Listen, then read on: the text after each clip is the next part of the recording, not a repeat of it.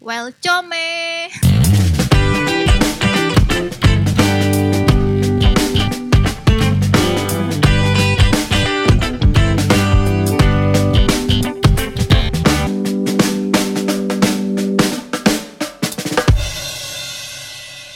Rabu lagi. gue bener-bener udah bingung mesti opening apa coy. Dan ini kita sekali record tuh 5 episode. Iya, karena kita males ketemu-ketemu terus. Iya, Jadi kita emang ya. sengaja ini ya ngumpulin semuanya sampai serak kalau bisa ya. Cuman ya sekarang sekali ketemu record 5 episode panas juga nih otak sama udah bingung openingnya apa. Gak cuma opening, ending aja bingung. Oke, bahas apa kita minggu ini? Pasti udah pada tahu kan dari judul sama deskripsinya. Kita Mm-mm. mau bahas tentang friendship di sini lebih ke arah kita growing up. Apakah teman kita juga growing up bersama-sama dengan kita dan Hmm. sebenarnya perlu gak sih kita selalu live update ke teman kita gitu? Dan ini juga sebenarnya memperjelas apakah quantity itu lebih baik daripada quality. Quantity ini tuh bisa dilihat dari jumlah teman yang lu punya, jumlah waktu ketemuan sama Hmm. temen lu gitu loh. Karena konsep temenan umur sekarang dengan konsep temenan pas remaja itu beda jauh. Iya kalau dulu mungkin kalian pas lagi sekolah atau kuliah bisa tiap minggu kalian kongko. Iya. Jangan kan tiap minggu tiap selesai kuliah aja kalian bisa nonton bareng, nongkrong bareng sampai malam. bisa pergi-pergi. Kalian ngerjain tugas aja tuh udah nongkrong bareng. Iya, betul. Sekarang udah kantor beda-beda. Udah ngejadwalinnya susah. Iya, kadang kalau yang cuma udah punya pasangan ya kan?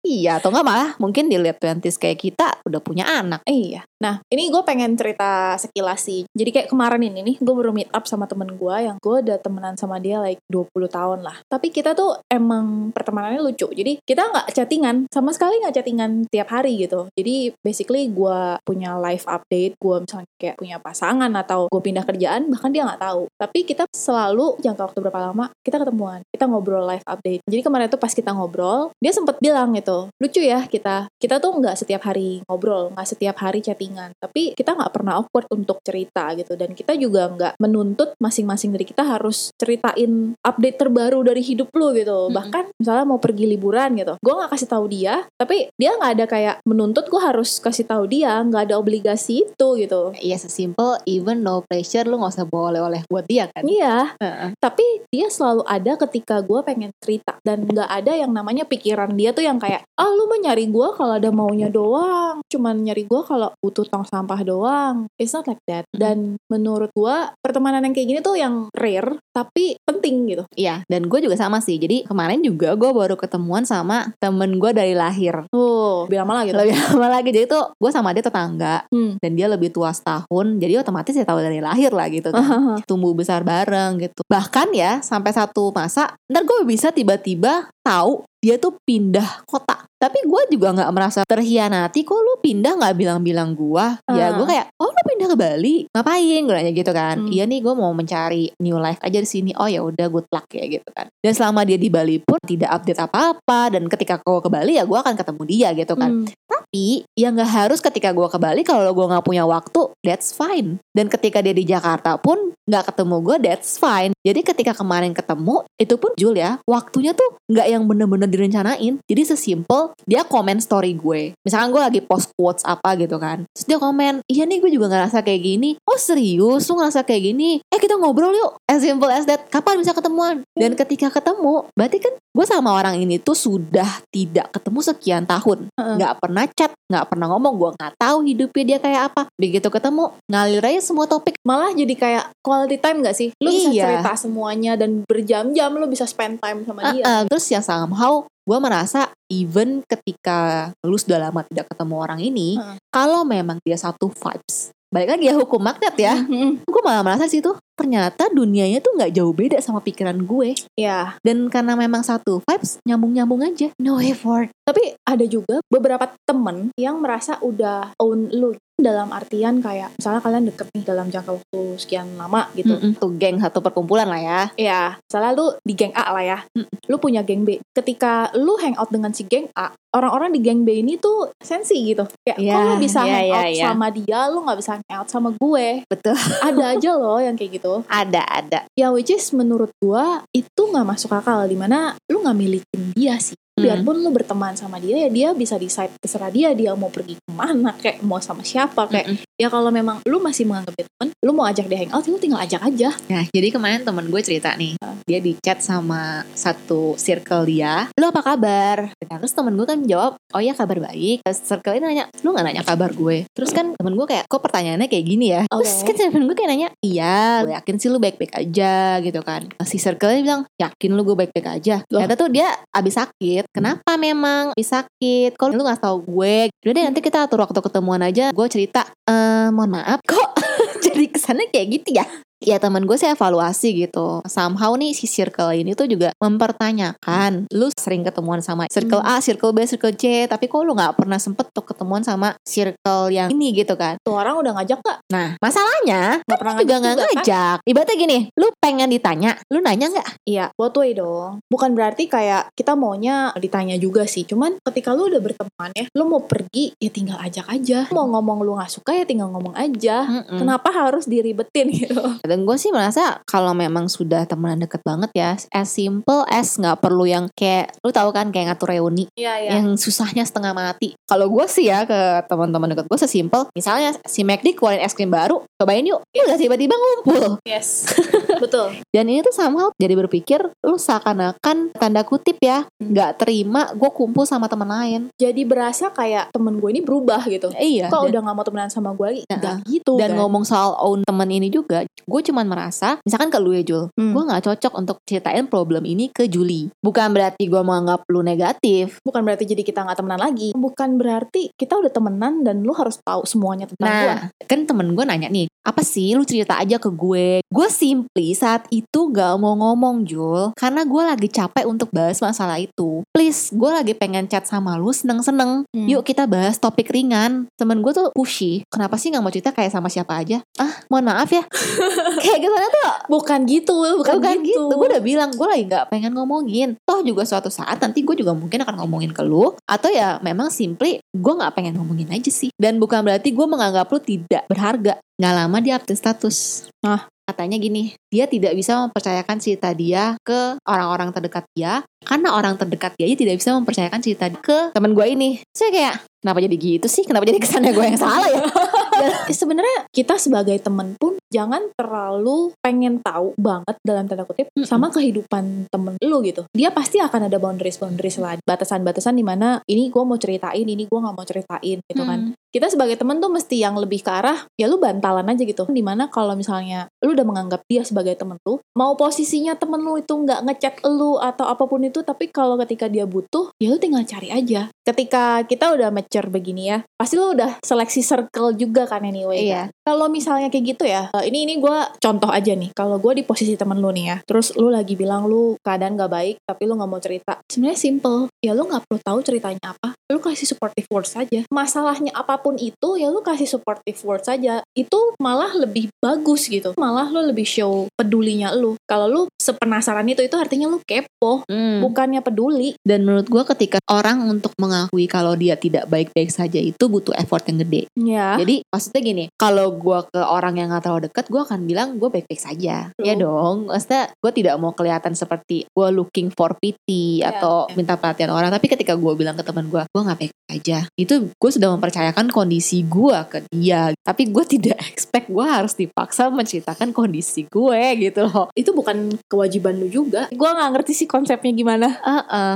ya mungkin itu prinsip beda lah. Istilahnya gini loh, kalau buat gua ya, temen gua nggak perlu ceritain masalah hidup dia ke gua. Tapi ketika dia bilang dia lagi stres, ya mungkin gua nggak bisa bener-bener kasih dia supportive words yang gimana. Since itu juga harus ada knowledge dikit lah tentang masalah dia. Kadang lu bisa bilang baik-baik aja semua kan pas Iya. gitu-gitu segala macam Eh. tapi kan ya mungkin dia lagi nggak bisa menerima masukan itu kan Iya, at least lu jadi orang yang menyenangkan aja. kalau gue sih biasanya gini gue masih trying so hard juga ya kadang gue juga melewati batas kepo itu juga Ah. gitu misalkan teman gue bilang ngobrol dong gue lagi ada banyak pikiran. Gue kepo juga sih sebenarnya cuy.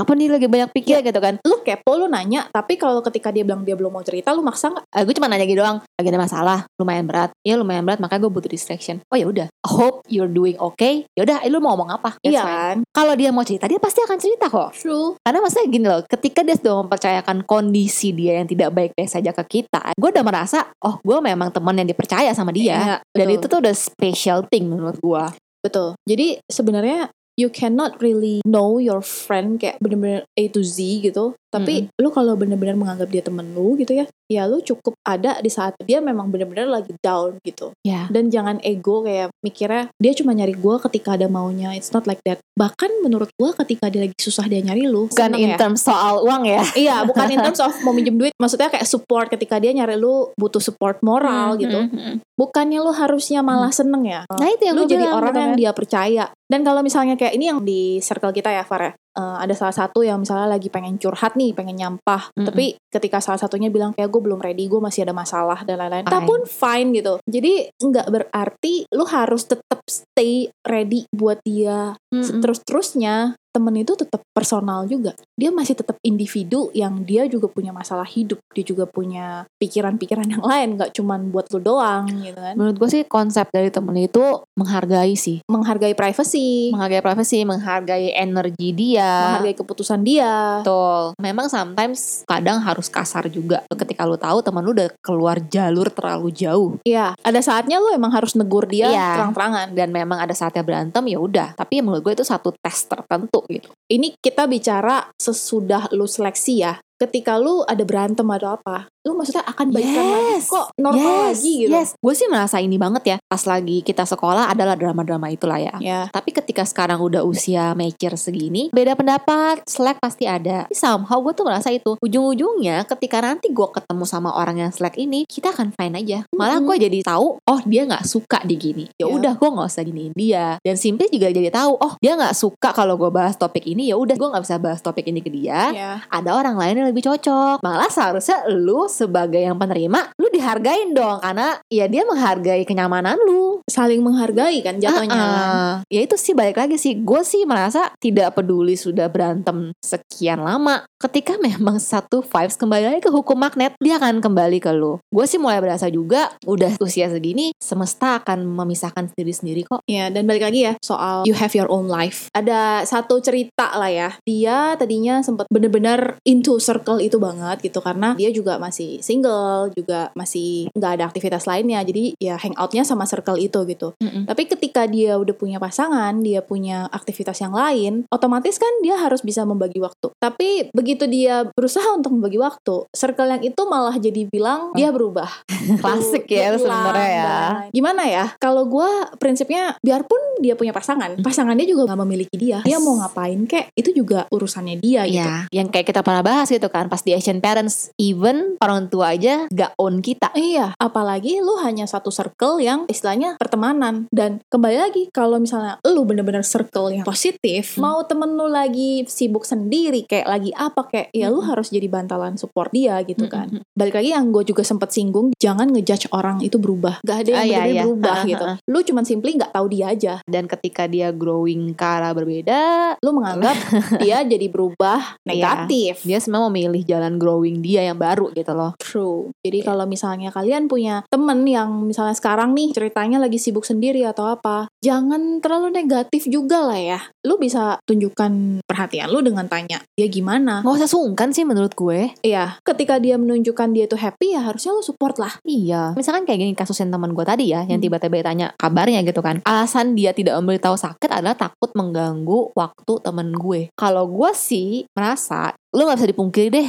lu di kehidupan modern sekarang, lu tahu kehidupan orang itu dari IG story kan. Iya. Lu aja gak pernah IG story, gimana caranya gue juga tahu hidup lu. Dan Iya. as simple as, especially gue ya, maksudnya gue kan gak kerja kantoran, gue jarang ketemu orang kalau weekdays. Hmm. Kalau misalnya orang kantoran kan masih ketemu college-nya kan. Justru menurut gue story itu adalah sarana gue untuk komunikasi ke orang. Gitu loh. Jadi Hmm. ketika orang ini story apa, gue komen. Nanti bisa jadi obrolan Jul. Gue sama yang temen gue yang dari lahir itu aja bisa tiba-tiba meet up karena itu doang. sesimpel quotesnya lagi relate sama hidup dia terus cerita eh kita obrolin aja yuk nanti ketemu langsung Dan apalagi gitu. kalau misalnya temen yang udah akrab ya, lu tinggal bilang, eh gue butuh ketemu nih, gue sakit nih. Maksudnya biarpun itu orang nggak jenguk lu atau apa, lu juga tetap bisa kasih tahu aja gitu, nggak perlu ada ekspektasi apa pun. even sesimpel gue sidang S2 kan waktu itu beda sama sidang S1 itu gue kebetulan dapet jadwal di mana di satu kelas itu gue sendirian. Hmm. sisanya tuh dari kelas lain gue gak kenal siapa-siapa. Gue bener-bener tegang gue bilang kok sama teman-teman gue kan kebetulan malam ya sidangnya. Mereka pasti habis ngantor kan. Boleh nggak kalian habis ngantor kalau misal kalian nggak lembur sempetin waktu untuk datang gue Hmm. butuh support ya udah cuman datang itu doang bisa kongko sampai tengah malam yang kita which is saat itu udah lama nggak ketemuan terus jadi Hmm. kayak live update gitu Iya kan, nggak perlu dibikin ribet sih. I mean, masalah hidup lu bukan cuma di pertemanan doang. Hmm. Jadi kalau misalnya pertemanan lu nambah-nambahin beban masalah ya dipertanyakan. you own you sih menurut gua even parents lu nggak memiliki lu Iya. pasangan kalian aja nggak memiliki lu even kalian udah spouse ya Dan kalian as a friend pun jangan ngatur-ngatur memiliki- hidup temen lu gitu. Iya jangan merasa memiliki dia juga ya kalian memiliki dia tapi bukan berarti kalian jadi pemilik dia kali ya. Dan atau misalnya kayak kalian dalam satu circle nih, kok dia lebih akrab sama dia ya?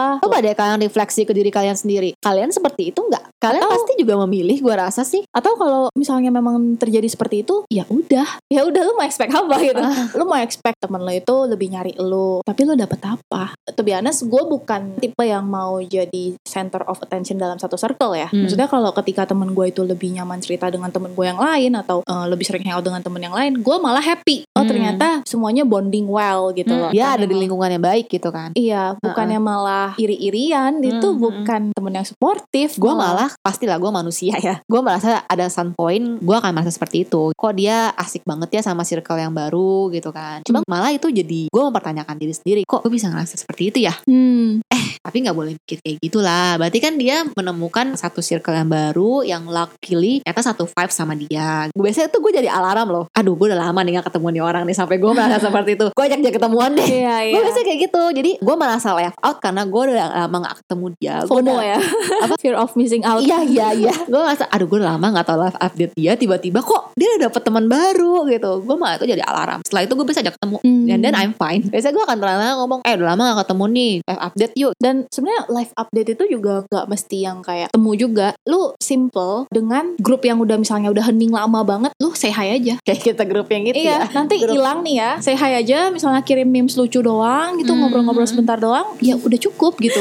Jadi gue sama Julie ini ada satu grup WhatsApp. itu isinya gambar tidak senonoh semua kawan-kawan. Lucunya itu malah jadi topik gitu loh. Eh, lu jangan-jangan ngelakuin sama pacar lu ya? Gimana sama pacar lu?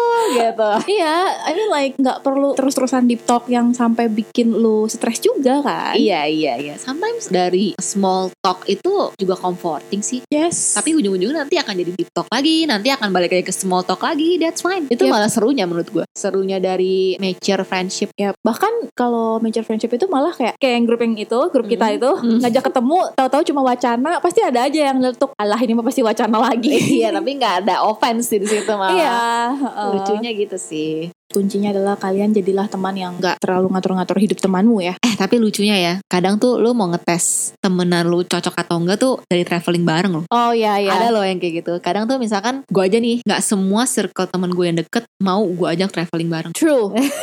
True. Kadang tuh gue cuma mau traveling sama orang ini. Gue juga punya teman traveling. Kayak gue nggak harus circle ini gue ajak traveling. Malah kadang kita baik-baik aja nih. Heeh. Nah, kita kumpul bareng, kongko bareng. Pas lagi traveling, ya Tuhan. Dia ribet ya. Dia... Gue mau buka baju aja gue permisi. Atau ada yang misalnya simple cuman kayak dia tujuannya tuh dia maunya foto-foto, nyarinya Iya. spot-spot yang tempat foto Uh-uh. mainstream. Heeh, heeh. Atau yang satunya lagi maunya gue maunya ngelihat yang museum-museum bersejarah. Itu bisa loh. Iya iya. Gue kalau traveling sama gengnya gue sama Juli ya, mau buang angin sampai bau juga tiba-tiba bangke lu buang angin. ya itu ya guys, kadang tuh uh, rate kalian bisa Toleransi sama ya. pacaran dan teman adalah kalian kentut tuh nggak malu. Atau malah kentut di depan muka orang ya. Iya. Habis kentut ya, kunci pintu. Iya.